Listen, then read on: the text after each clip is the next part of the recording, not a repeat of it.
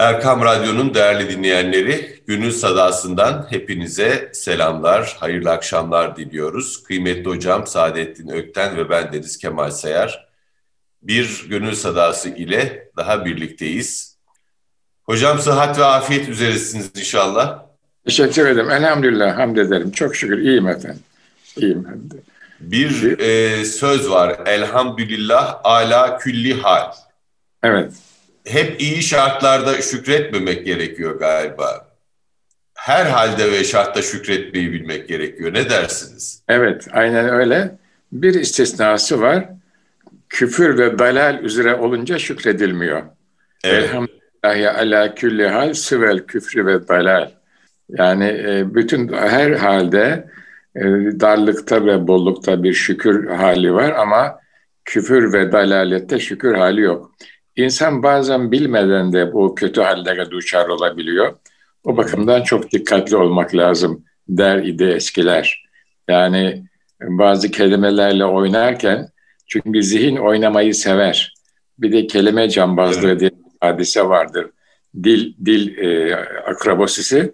Onu yaparken Allah muhafaza gülüşü verirsiniz. Çok dikkat etmek lazım şeklinde bizi uyarırlardı. Bilhassa gençler arasında bu o zamanlar e, cazip görülürdü. İşte kelimeleri şöyle oynadım, böyle kullandım, şunu şöyle yaptım, bunu böyle yaptım gibi. O arada dikkat etmek lazım. E, bazı itikadi bozukluklar da olabiliyor. Onlar dışında her hale şükretmek gerekiyor diye diye öğretmişlerdi. Bu, bu da böyle. Şimdiki halde insanlar inşallah öyle olurlar. Şükürsüzlük çünkü büyük bir e, buhran aynı zamanda. Efendim hayatta eksikler bitmez. Ve şükürsüzlük eksikleri gösterir daima. Şükür eksikleri bitirmiyor, eksikleri göstermiyor, hissettirmiyor. Öyle bir, siz onu daha iyi biliyorsunuz ruh hali ki o. Yani siz kendinizden üst bir kaynağa iltica ettiğiniz zaman, bu tabii ki Cenab-ı Rabbül Alemin iltica ettiğiniz zaman hayatınızda eksikler bitmez. O size, o iltica size o eksikleri eksik olarak göstermez. Onlara da dersine günün birinde yerine gelir. Ben şimdi olanlarla iktifa edeyim, olanlarla kendime bir hoş güzel dünya kurayım, hizmete e, dönük bir dünya kurayım derseniz. Yoksa hayatta eksik bitmiyor hiçbir zaman için. Şükürsüzlük eksikleri e, egzajere ediyor, abartıyor, gösteriyor, altını çiziyor ve sizi e, evhama sevk ediyor, vehme sevk ediyor. Ee, böyle bir açılış yapalım isterseniz. Eyvallah hocam. Sabredin diyor Abdülkadir Geylani. Hüzünsüz bir neşe ve darlıksız bir bolluk olmaz. Ee, evet. İnsanın mevsimleri var, hayatın mevsimleri var. Zor bir döneme denk geldik ee, ama inşallah bu darlıktan sonra bir ferahlık olur diye ümit ve temenni ediyoruz. Yani pandemi, efendim, savaş, e, bütün bunlar e, insanın ruhunu kabzeder gibi, daraltır gibi görünüyor. Ama yeis üzere olan insandan bir eylem çıkmıyor kıymetli hocam. Yeis olan, üzere olan insan e, kendini daha fazla dünyaya kapatıyor. Her şeye ve herkese küsüyor. Halbuki bize eylem lazım. Yani sıkıntıyı da aşacak bir eylem lazım. E, o da ancak umutla olur e, ve sabırla olur. Zamanı kollamakla olur. Cenab-ı Mevla bizi bu dar zamanlardan çıkarsın diye niyaz edelim inşallah. Bugün sizinle e, konuşmak istediğim bir kavram var. Uzunca zamandır bunun üzerine okuyorum ve biraz da yazmaya da gayret ediyorum. Bazı şeyler böyle çok moda haline geliyor. Bazı kavramlar moda haline geliyor psikoloji literatüründe veya e, ilmi literatürde bir şey keşfediliyor ve onun üzerine derinlemesine makaleler e, çıkmaya başlıyor. Bunlardan bir tanesi de yeni bir kavram, entelektüel tevazu. Siz literatürde görmemişsinizdir herhalde okuduğunuz Yok. kaynaklarda değil mi? Bu Hayır, yeni buluş. Yani aslında çok bilinen bir şey. 3-5 e, işte düşünce bir araya getiriliyor. Ya burada kastedilen şey daha ziyade insanın kendi nefsini, kendi egosunu sorgulayabilmesi. Yani ben hata yapmış olabilirim. Etraftan öğrenmeye açık olmalıyım. Eğer bildiğim şeyler tam manasıyla kesin değilse ki öyle olduğuna inanıyorum. E, etraftan daha fazla öğrenmeye açık olurum. Yani bu entelektüel tevazu üzerine bir bilim yani bir bilim alt dalı kuruyorlar şimdi. Öğrenmenin bir şubesi olarak ve diyorlar ki insan e, evrene, kainata, diğer insanlara daha mütevazı bir şekilde yaklaşırsa hem daha çok şey öğrenir. Efendim hem e, zıt görüşlerle karşılaştığı zaman onlarla hasmane bir iletişim halinde olmaz. Daha fazla araştırma yapar, kendini daha fazla geliştirir. İlişkileri iyileştirebilir. Nasıl iyileştirir? İşte efendim size bir galip edasıyla yaklaşmaz ve sizden de öğrenmeye gayret eder. Ee, sizin de haklı olabileceğinizi e, teslim eder. Başka insanlarla köprüler kurmakta daha mahir olur e, ve daha hoşgörülü olur. Yani insanların e, farklı tutumlarını, farklı düşüncelerini daha hoşgörüyle karşılayabilir diyor. Şimdi ben böyle bir uzun bir giriş yaptım. Sizdeki tedavileriyle devam edelim. Buyurun kıymetli hocam. Çok güzel evet. Bu da bizim yöntemimiz oldu. Hoş oldu bu. Evet tedaviler hemen söyleyeyim. Birinci tedavi entelektüel ukalalığı. Benim başıma evet. geldi o. Çok da evet. güzel ikaz aldım. Efendim şöyle işte böyle 40 yaş falan olunca insan bir şeyler biliyorum. İşte akademik olarak da bir yerlere geldim filan filan insanları tanıdım, yurt dışına gittim, bilmem ne yaptım filan filan. Böyle konuşuyoruz. Ee, benim bir İngilizce hocam vardı, hala da var elhamdülillah. Ee, Mustafa abimiz bize, Mustafa Seçkin. Mustafa Seçkin ağabeyimiz. Evet, Mustafa Seçkin ağabeyimiz. Evet, çok çok kıymetli bir insan. Evet. O benim İngilizce hocamdır. İlk defa ondan tefeyyüz Ben ettim. hocanın Arapça hocası olduğunu biliyordum. O, o, o, o Arapçada var, Fransızca'da var, Almanca onda var, var, var, var oğlu var onda yani. Evet. O e, öyle. Böyle konuşuyorum ben. O kızdığı zaman Eskişehir ağzını kullanıyor. Üle oğlum bırak bu entelektüel ukalalığını dedi. evet e, ve dedim nedir abi? De, işte aynı şekilde biraz evvel sizin bahis buyurduğunuz gibi ben her şeyi biliyorum. İşte yurt dışına gittim, bilmem ne yaptım, şunu aldım, bunu gördüm, ötekini tanıdım, şu kitapları okudum. Bunu bırak dedi yani böyle bu, bu iş olmaz dedi. Sen şimdi yavaş yavaş kendi dünyanı kurmaya çalış. Tabii ki biliyorsun hiçbir itirazımız yok ama bu bir ukalalık. Bununla bir yere varamazsın dedi. Çok doğru söylemiş. Ben onu tabii zaten yani belki de o zaman tam hatırlamıyorum. Belki birazcık da onu hafiften şöyle e, tahrik etmek için de yapmış olabilirim. Benim öyle huylarım da vardı çünkü zaman zaman. Bir de gene yere gelmişken anlatayım. Hı hı. Ee, daha gençim.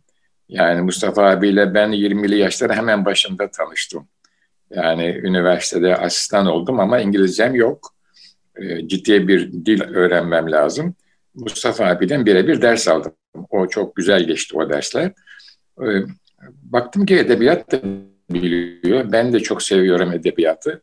İşte bizim edebiyatımız şiir bilmem ne. Bir, bir Ramazan akşamı bir oturuyoruz. Ben gene dertlenmeye başlayınca o da yine kızdı. Öyle oğlum sen Fuzuli Divanı okudun mu dedi. Okumadım deyince git başımdan ne konuşuyorsun ki okudu ondan sonra gel dedi. Bu da benim için çok mühim bir ikaz oldu. Yani şiirle uğraşan, şiire merak eden ben yazmıyorum okumaktan haz alıyorum, ev alıyorum. O bir dünyaya giriyorum. Ama o dünyanın bazı köşe taşları var. İşte onlardan bir tanesi de Fuzuli. O temel eğitimi almadan şiire bakmamamız lazım geldiğini ben Mustafa abinin o ikazından öğrendim. Ama böyle yine dertlenmiştim. O öyle oğlum Fuzuli Divanı okudun mu? Okumadım deyince git başımdan oku da gel dedi yani. Bunun gibi bırak bu Rah- Rahmetli Fethi Bey de e, bu bana onu hatırlattı bazı gençler yanına geldiği zaman sen hiç aşık oldun mu dermiş. Olmadım evet. deyince aşık ol da gel dermiş. evet.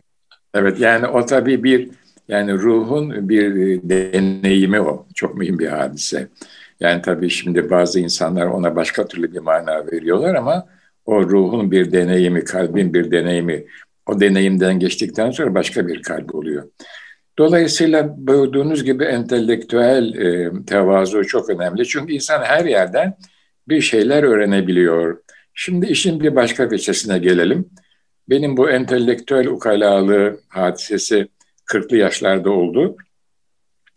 Sonra bu bilgi meselesi şimdi var ya epistemoloji, felsefenin bilgiyle alakalı kısmı. Evet. Tabii bu felsefe orada marifetullah'a bakmıyor.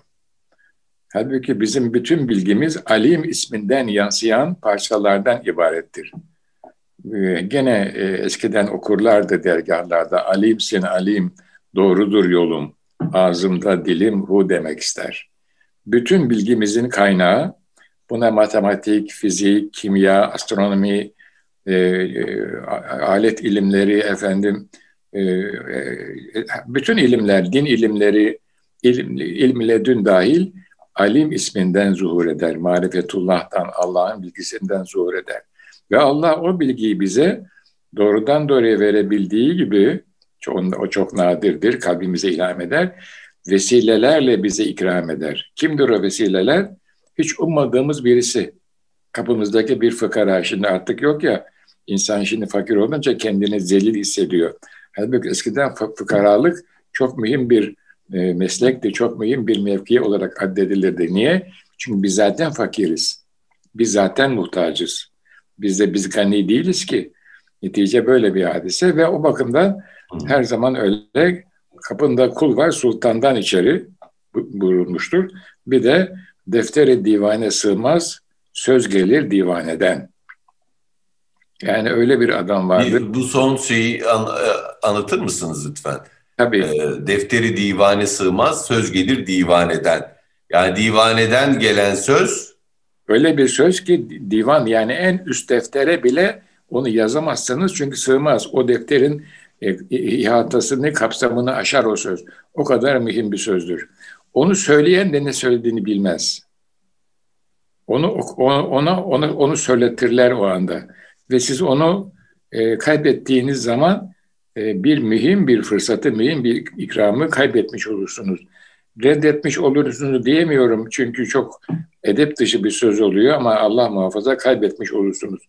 O bakımdan bu entelektüel tevazu çok mühimdir. Çünkü insan biriktirdikçe, sahip oldukça kendine güveni artıyor.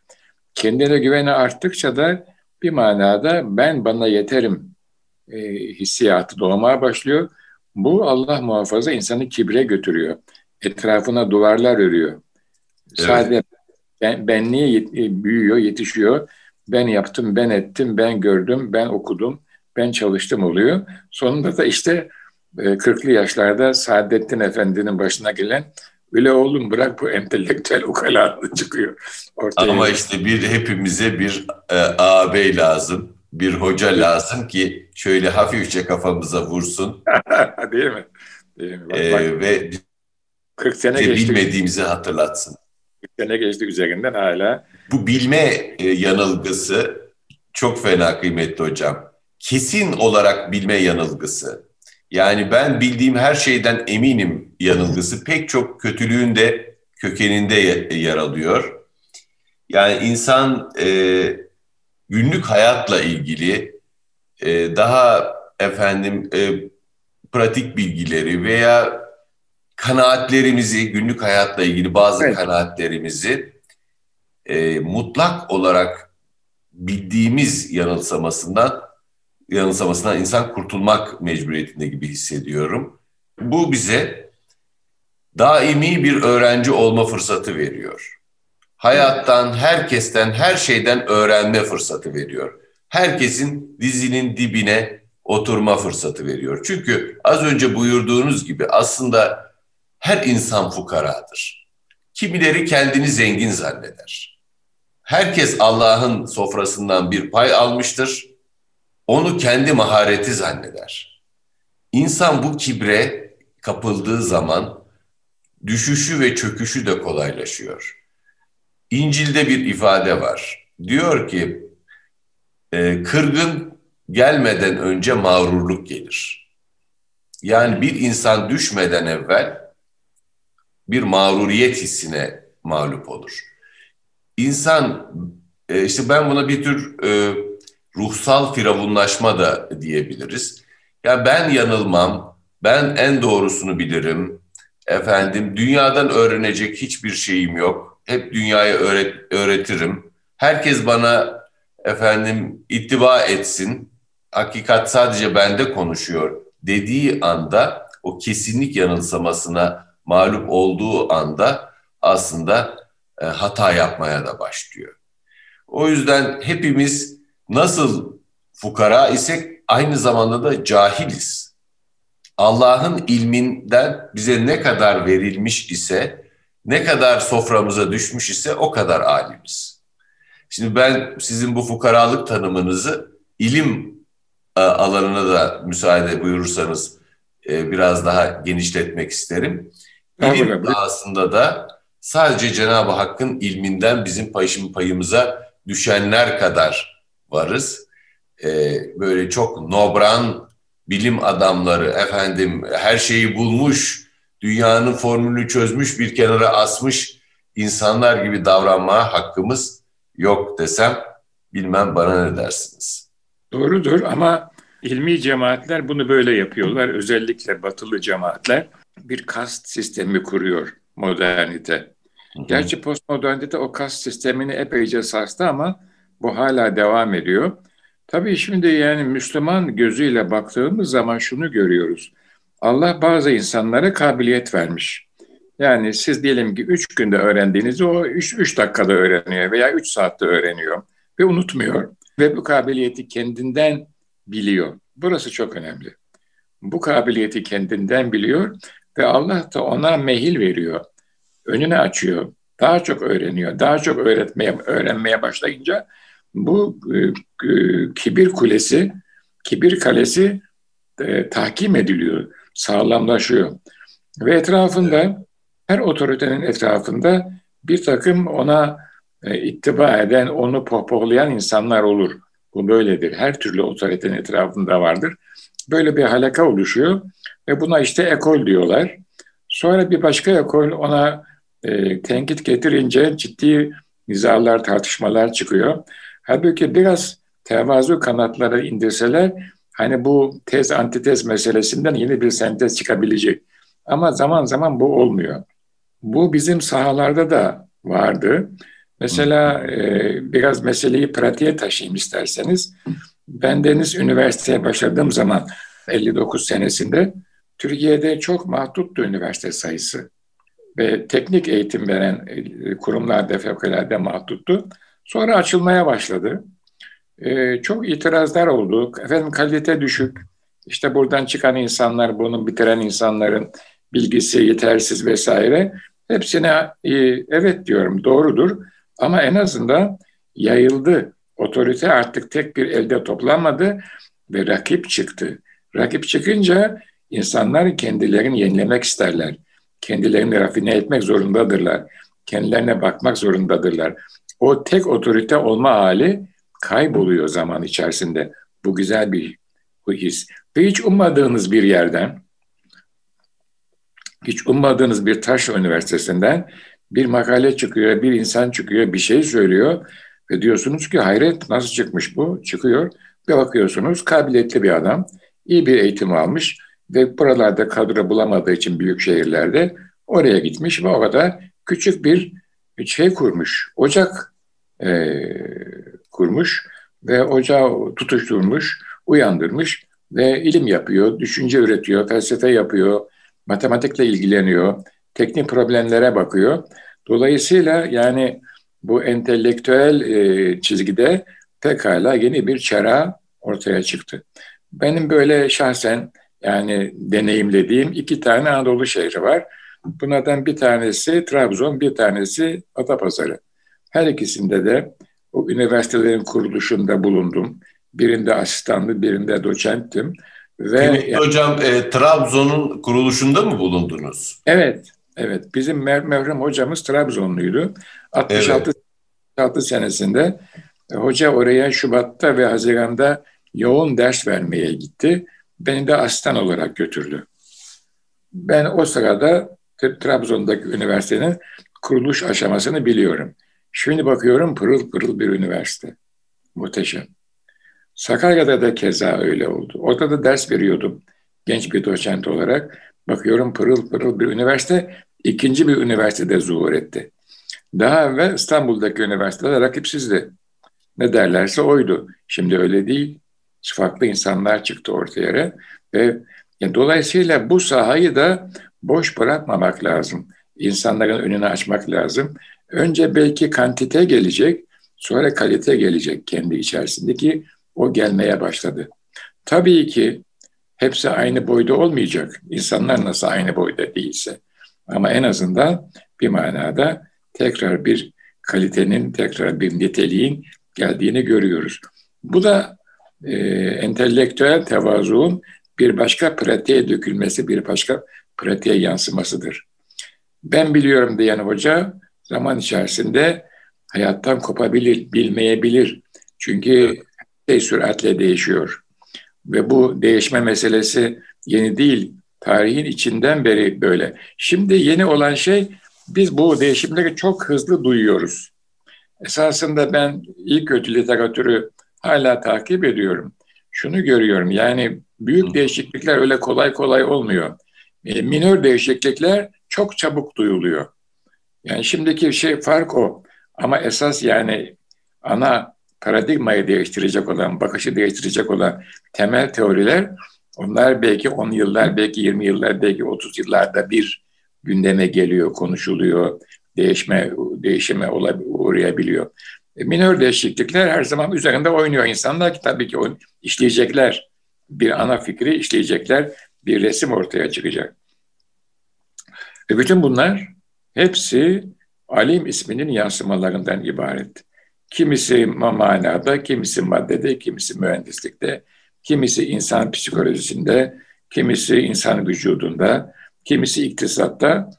E, her zaman söylemeye çalışıyorum. Büyüklerimizden duyduğumuz ilim sahasında da öyle. Acaba muradı ilahi hangi istikamette bilmeyi ve öğretmeyi size tavsiye ediyor, emrediyor?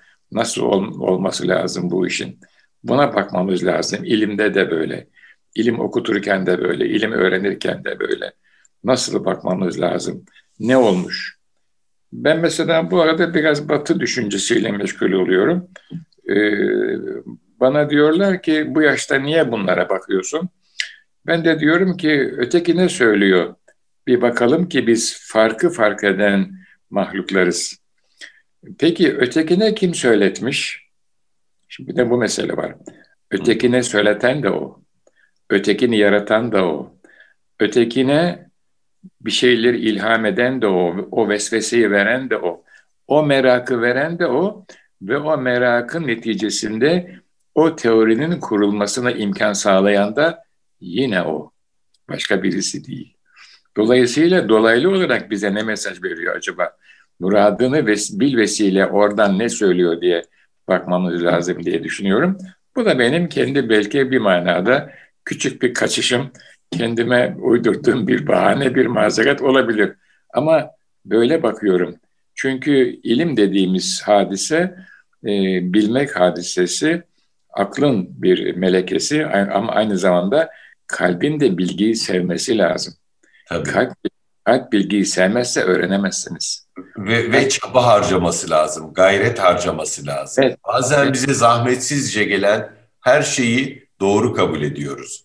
Yahut bazı şeyleri zahmetsizce geldikleri için doğru kabul ediyoruz. Hemen bir şey öğrendik, bir çaba harcamadık onun e, uğruna, birisinden duyduk ve e, bunu doğru kabul edip hayata devam ediyoruz. Temel mesele şu kıymetli hocam. İnsan kendi cehaletini göremez. İnsan kendine karşı bakar kör bir varlıktır. Kendimizle ilgili kusurları idrak edemiyoruz. Hatta bununla ilgili meşhur bir ifade var. Dunning-Kruger sendromu diye. Boş başak sendromu da derler. Ee, insanlar bilmediklerini bildikleri zaman daha mütevazı oluyorlar. Heh. Fakat bilmedikleri zaman da dik oluyorlar. Boş başak aslında dik durur. Neden? Çünkü tane yoktur. e, eğilmek durumunda değildir. Halbuki dolu evet. olan e, başak ise eğilir çünkü içinde çok şey vardır. Tevazudur evet. Kırım'da zincirli medrese vardır kıymetli hocam. Şimdi Kırım'a da gidebilecek miyiz bilmiyorum ki. Ben yani Evet yani çok görülmeye değer bir yerde Ak Mescid. Orada zincirli medreseye girerken eğilirsiniz. İlim müessesesine giriyorsunuz ya öyle bir kapı yapmıştır ki başınızı eğerek oradan girmeniz icap eder. Ya yani ilim ancak tevazuyla mümkün. Yani ben hakikatin hepsini bilmiyorum. Öğrenmeye talibim, çileye talibim, zahmete talibim demekle mümkün. Öbür türlü ben zaten biliyorum dediğiniz zaman bakıyorsunuz sosyal medyada her biri hakikat baronu haline gelmiş bir sürü karikatür kişilik. Herkes en iyisini bildiğini zannediyor. Zahmet var mı? Yok. Emek var mı? Yok. Evet. Evet. Bir de yüzeysel bilgi var. Her bilginin bir de künhü var. Oraya girmek için de ayrı bir gayret etmek lazım. O bir de kısmet meselesi. Yani kavramsal yapıyı yakalamak. Yüzeysel olarak ezberliyorsunuz. Benim öyle mesela bazı kimselerle tanıştım. Yüzeysel olarak bilgiyi ezberlemişler. Ama kavramsal... Malumat furuş diyorlar değil mi hocam onlara? Malumat furuş. Evet. Ve bunlar akademik insanlar yani akademik titirleri var. Fakat akademik yani malumunuz bilim de kavramlarla yapılıyor. Ama arka planında bir şey yok. Biraz kavramsal konuşmaya başlayınca hiçbir şey söyleyemiyorlar.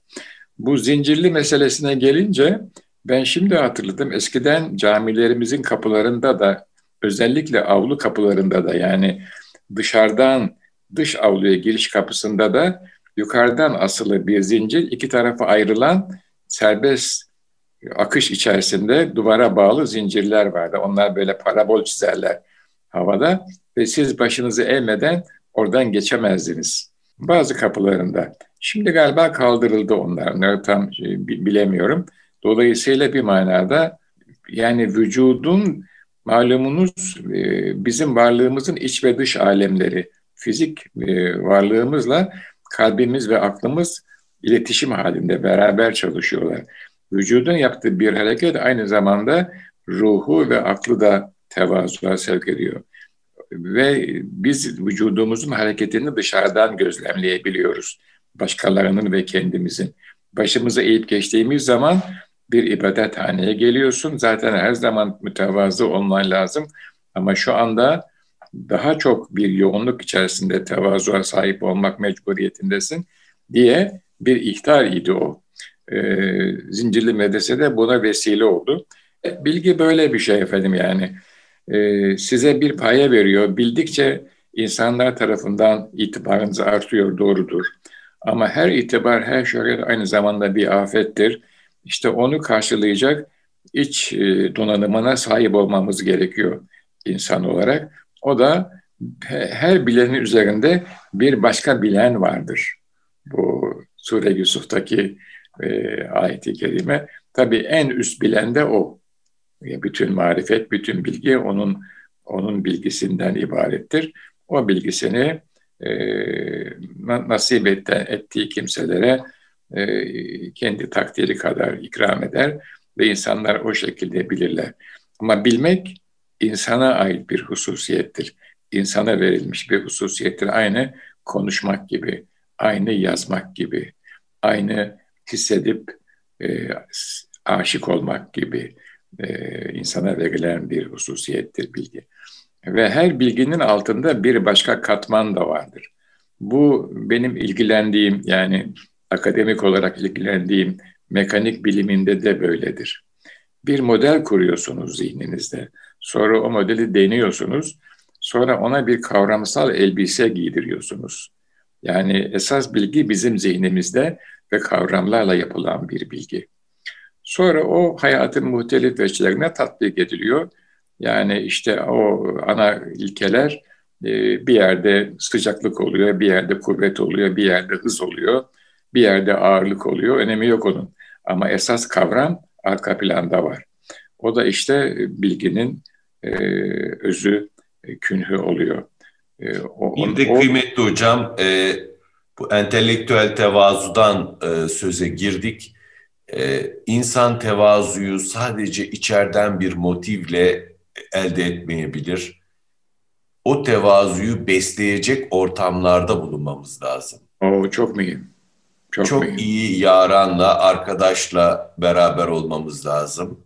Yani biz nefsimiz biraz azgınlaştığı zaman bizi azıcık geri çekebilecek.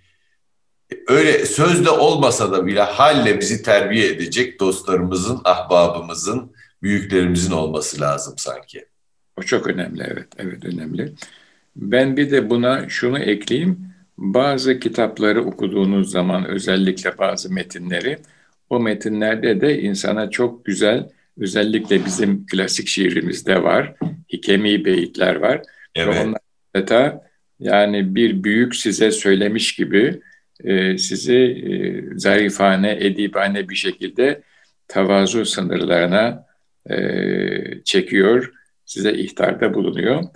Estetik bir boyutu olduğu için de çok da hoşunuza gidiyor. Yani okşuyor sizdeki o estetik algıyı aynı zamanda e, bir nasihatte bulunuyor. O da bir hakikatin e, yeniden tecellisi. Ben biraz evvel söyledik, söylediklerimi burada da tekrarlayayım. O beyitleri yazanlara da yazdırmışlardır. Tabii. Ve o divanlar, o şiirler, o nutuklar da bugün hala devam ediyorsa, elimizdeyse ona devam edilsin, yazılsın, bunlar kaybolmasın diye bir kader biçildiği için elimizdedir. Ve biz e, bir manada onlardan istifade etmek mecburiyetindeyiz. Onlar da bir ikramdır. O ikramları da reddetmememiz lazım. Kaçırmamamız lazım, fevt etmememiz lazım. Çünkü e, egomuzu besleyecek bir ortamda yaşıyoruz. Bu çağ böyle bir çağ, postmodern çağ. Sosyal medya diye bir etken var. İşte evet. orada yükselen trendler var. TT diyorlar şimdi onları bile öğrendim yani. Trend topic diyorlar. Bunlar bizi fevkalade e, zorluyor. Maneviyatımızı, iç dünyamızı. Bunlara karşı durmamız lazım. Bunlarla çok fazla hemhal olmamamız lazım. Kendi maneviyatımızı biraz evvel söylemiş olduğunuz dost meclisleriyle, büyük meclisleriyle e, desteklememiz lazım. Bununla birlikte yine başucu kitaplarımızın olması lazım. Zaman zaman değişebilir başucu kitapları ama bize nasihat edecek kitapların bulunması gerekiyor. E, bunlar umumiyetle bendenizin hayatında şiirlerdir. Çünkü bir estetik boyutu da var. Yani size güzel söz, darası alınmış söz diyor Yahya Kemal şiir için. Boş söz değil. Tabii. On, onlar bize bir şeyler söylüyorlar ve hayatımızı belli bir e, kalibrede, belli bir nizamda, belli bir muvazenede tutmamıza yardımcı oluyorlar biiznillahü teala. İnşallah, inşallah kıymetli hocam. Dinize, gönlünüze bereket. Teşekkür ederiz efendim. Biz programın sonuna geldik. Devam ederiz inşallah. Allah efendim, inşallah. Sağ olun. Gönül Sadası'nın değerli dinleyenleri bir programın daha sonuna geldik. Kıymetli hocam Saadettin Ökten ve bendeniz Kemal Seyar karşılıklı muhabbet etmeye çalıştık. Bugün tevazu üzerine konuştuk. Entelektüel tevazuyu ele aldık. Hayatımızı her zaman bir tevazu ekseninde bilmediğimizi bilerek yaşamayı Cenab-ı Hak nasip eylesin. Hepinize hayırlı akşamlar diliyorum.